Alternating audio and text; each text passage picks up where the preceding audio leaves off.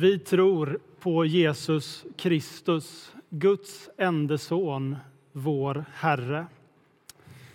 Så börjar den andra trosartikeln i den apostoliska trosbekännelsen som vi tillsammans med kyrkan i alla tider och över hela världen bekänner oss till.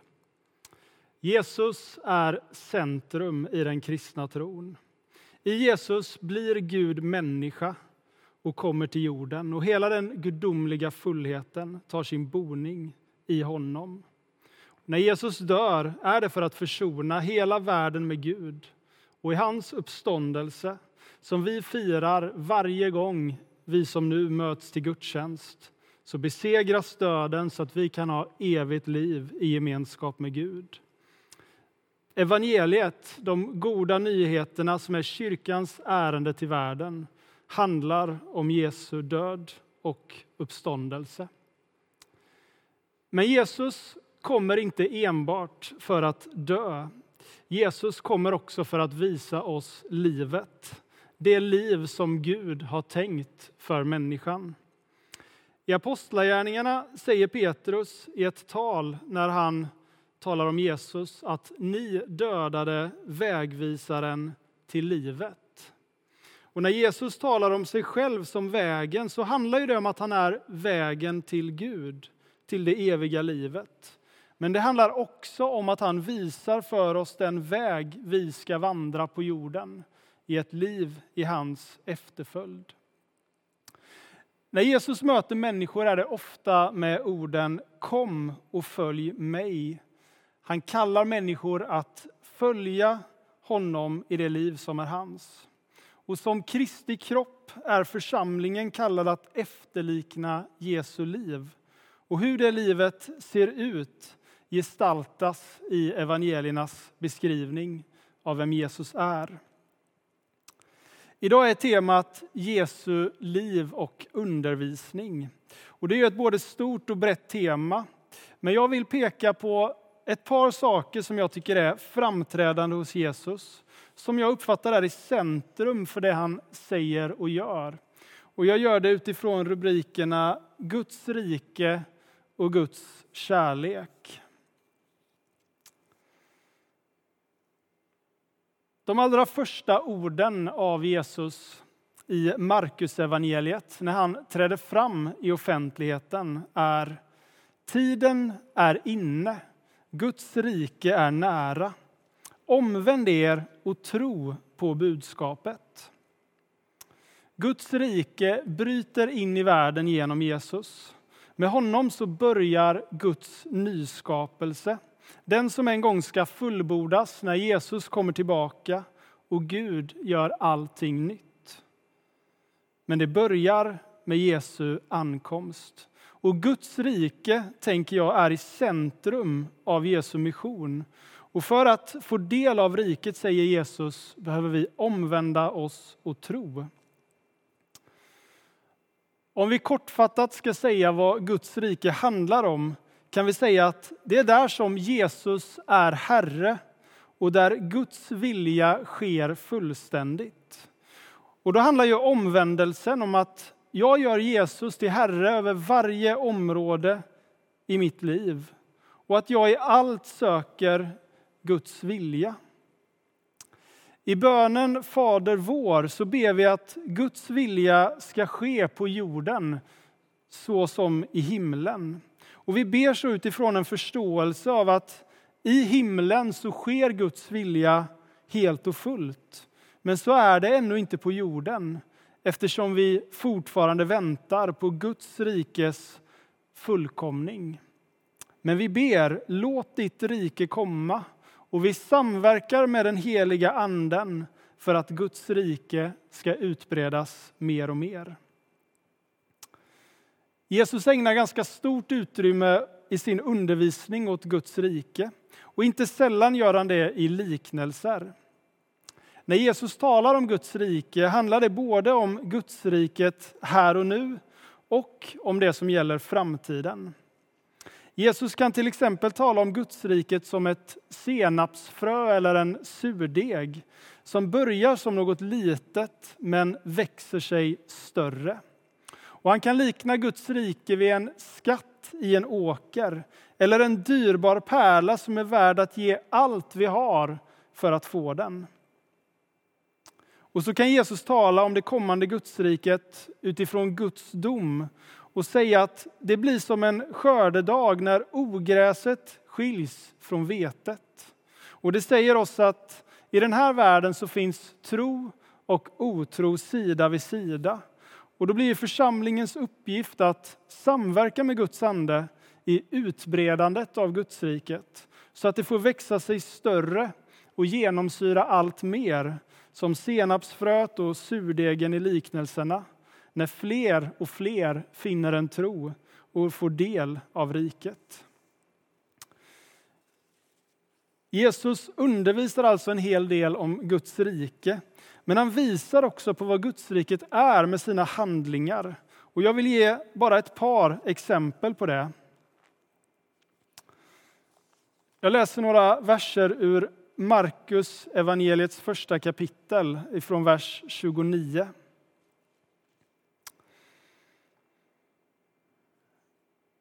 Från synagogan gick de hem till Simon och Andreas tillsammans med Jakob och Johannes. Simons svärmor låg i feber och det sa de genast till Jesus. Han gick fram till henne, tog hennes hand och reste henne upp och febern lämnade henne och hon passade upp dem. På kvällen efter solnedgången kom han till honom med alla sjuka och besatta. Hela staden hade samlats utanför dörren och han botade många som led av olika sjukdomar och drev ut många demoner och han förbjöd demonerna att tala eftersom de visste vem han var. Jag tänker att ett av de tydligaste kännetecknen för Jesus tjänst är att han upprättar människor till ande, själ och kropp. Han botar sjuka. Han eh, upprättar den som av olika anledningar är utesluten från mänsklig gemenskap. Han driver ut orena andar från folk som är besatta. Han tröstar den som sörjer. Han befriar den som är slav under olika makter. Och han ger ny riktning till den som har gått vilse i olika lockelser. När Jesus helar en människa så innebär det naturligtvis en dramatisk förändring i den människans liv. Men det blir också ett tecken som pekar fram mot nyskapelsen när ingen sjukdom eller utsatthet finns mer. Och på det sättet finns det en profetisk sida av Jesu helande tjänst som ger en försmak av Gudsrikets fullkomning då allt det som är trasigt i oss och i skapelsen blir helt. Och redan här och nu så kan vi få smaka på det. Ett exempel till. Brödundret. Och jag tänker att berättelsen är välkänd. Jesus mättar en stor folkskara med bara fem bröd och två fiskar. Och vi läser några verser från det sammanhanget. Också Markus evangeliet, det sjätte kapitlet, från vers 35. När det redan var sent på dagen kom lärjungarna till honom och sa Trakten är öde och det är sent. Låt dem ge sig av så att de kan gå bort till gårdarna och byarna här omkring och köpa sig något att äta. Jesus svarade, ge dem något att äta ni själva. Ska vi gå och köpa bröd åt dem för 200 dinarer och ge dem att äta? frågade de. Han sa, hur många bröd har ni? Gå och se efter. De tog reda på det och sa, fem bröd och så två fiskar. Då lät han dem säga åt folket att slå sig ner i matlag där det fanns grönt gräs. Och de la sig ner i grupper om hundra eller femtio. Han tog de fem bröden och de två fiskarna såg upp mot himlen och läste tackbönen. Sedan bröt han bröden och gav dem åt lärjungarna för att de skulle dela ut dem åt folket.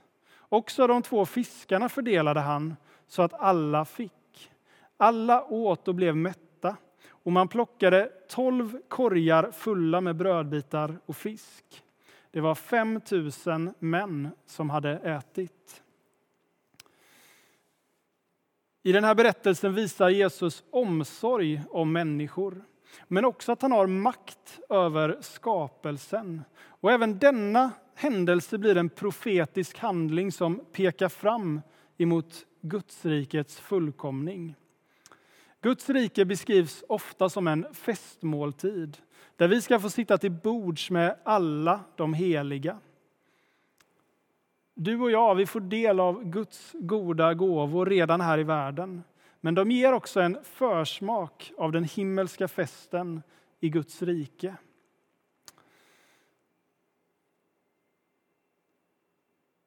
Jag vill säga något också om Guds kärlek som ytterligare ett grunddrag i Jesu liv och undervisning. Vid ett tillfälle så får Jesus en fråga av en skriftlärd, vilket som är det viktigaste budet i lagen. Och lagen handlar om hela livet, så det är liksom ingen liten detalj som den här skriftlärde frågar om, utan han frågar Jesus om det viktigaste av allt. Och då tänker jag att vi gör väl i att lyssna till vad Jesus svarar. Och svaret finns i Markus kapitel 12, från vers 29. Jesus svarade, viktigast är detta. Hör Israel, Herren vår Gud är den enda Herren och du ska älska Herren din Gud av hela ditt hjärta och hela din själ, av hela ditt förstånd och av hela din kraft. Sedan kommer detta, du ska älska din nästa som dig själv. Jesus säger att det viktigaste av allt det är att älska Gud och att älska sin nästa. Och till det här dubbla kärleksbudet så kan vi också lägga ett tredje som finns i Johannes evangeliets trettonde kapitel. Det är i samband med den sista måltiden och Jesus säger till sina lärjungar Ett nytt bud ger jag er, att ni ska älska varandra. Så som jag har älskat er ska också ni älska varandra. Alla ska förstå att ni är mina lärjungar om ni visar varandra kärlek. Kärleken till Gud och människor är kännetecknande för det Jesus säger och gör. Men det kan vara viktigt att säga något om vad det är för en slags kärlek det handlar om. När Jesus talar om att vi ska älska Gud så är det en kärlek som älskar med hela vårt väsen, med hjärta och själ, med förstånd och kraft. Och när Jesus säger att vi ska älska varandra så är det med samma kärlek som han har älskat oss med. Det är en kärlek som uppoffrar sig, som uttrycks i tjänande och som ger sitt liv. Det är en osjälvisk kärlek som sätter den andre först kanske ganska långt ifrån de skildringar av kärlek som vi ofta möter och som mer utgår från individen och dennes önskningar och begär. I Jesus så blir Guds kärlek synlig. Johannes skriver i sitt första brev att så uppenbarades Guds kärlek hos oss. Han sände sin enda son till världen för att vi skulle få liv genom honom. Det är av sin stora kärlek som Fadern sände Sonen till världen. Och I Jesu liv så blir den kärleken synlig i hur han möter människor med nåd och sanning, i hur han upprättar och försonar och i hur han offrar sig och ger sitt liv. Den kärlek Jesus har till sin skapelse tänker jag är en drivkraft i allt det han gör och säger. Och Jesus uppmanar sina efterföljare, alla oss som tror, att som det viktigaste av allt älska Gud, älska vår nästa och älska varandra. Jag började min predikan med att nämna orden som Jesus kallar sina lärjungar med. Kom och följ mig. Jesus är inte bara Guds räddningsplan för den här världen, utan han visar också vilket liv vi är kallade att leva. Ett liv i Jesu efterföljd. När vi läser evangelierna får vi syn på det livet och vi kan följa Jesu exempel. Den som tror på mig, säger Jesus, ska utföra gärningar som jag och ännu större. Det sa alltså han som upprättade människor till ande, själ och kropp. Som fick fem bröd och två fiskar att räcka till mat åt fler än fem tusen. Och som i sitt liv visade på en fullkomlig kärlek. Men när Jesus säger kom och följ mig så är det inte att be oss om det omöjliga. Utan snarare är det en uppmaning att inte tro att vi kan leva det livet i egen kraft. Utan istället våga lita på honom som också sa Som Fadern har sänt mig sänder jag er. Ta emot helig ande. Ett liv i Jesu efterföljd lever vi inte i egen kraft eller på egen hand. Utan det livet levs i gemenskapen i församlingen och i den kraft som Gud har för oss. Samma kraft som var verksam hos Jesus. När vi säger vårt ja och följer Jesus kan vi få se Guds rike bredas ut genom att människor blir upprättade till ande, själ och kropp. Och vi kan fördjupas i kärleken till Gud och till människor. En kärlek som är möjlig för att han först älskade oss. Vi ber tillsammans. Tack Jesus för att du lämnade din himmelska härlighet och kom till jorden. Tack för att du eh, öppnade vägen för oss till Gud. Men tack också för att du visade oss ett exempel för hur vi skulle leva. Och Herre, jag ber för, för mig, för alla oss som deltar i den här gudstjänsten, för oss som församling, att vi skulle få fördjupas i vår efterföljelse, fördjupa vår kärlek till dig, fördjupa vår överlåtelse i att i allt försöka likna dig, Jesus. Jag ber så i ditt älskade namn. Amen.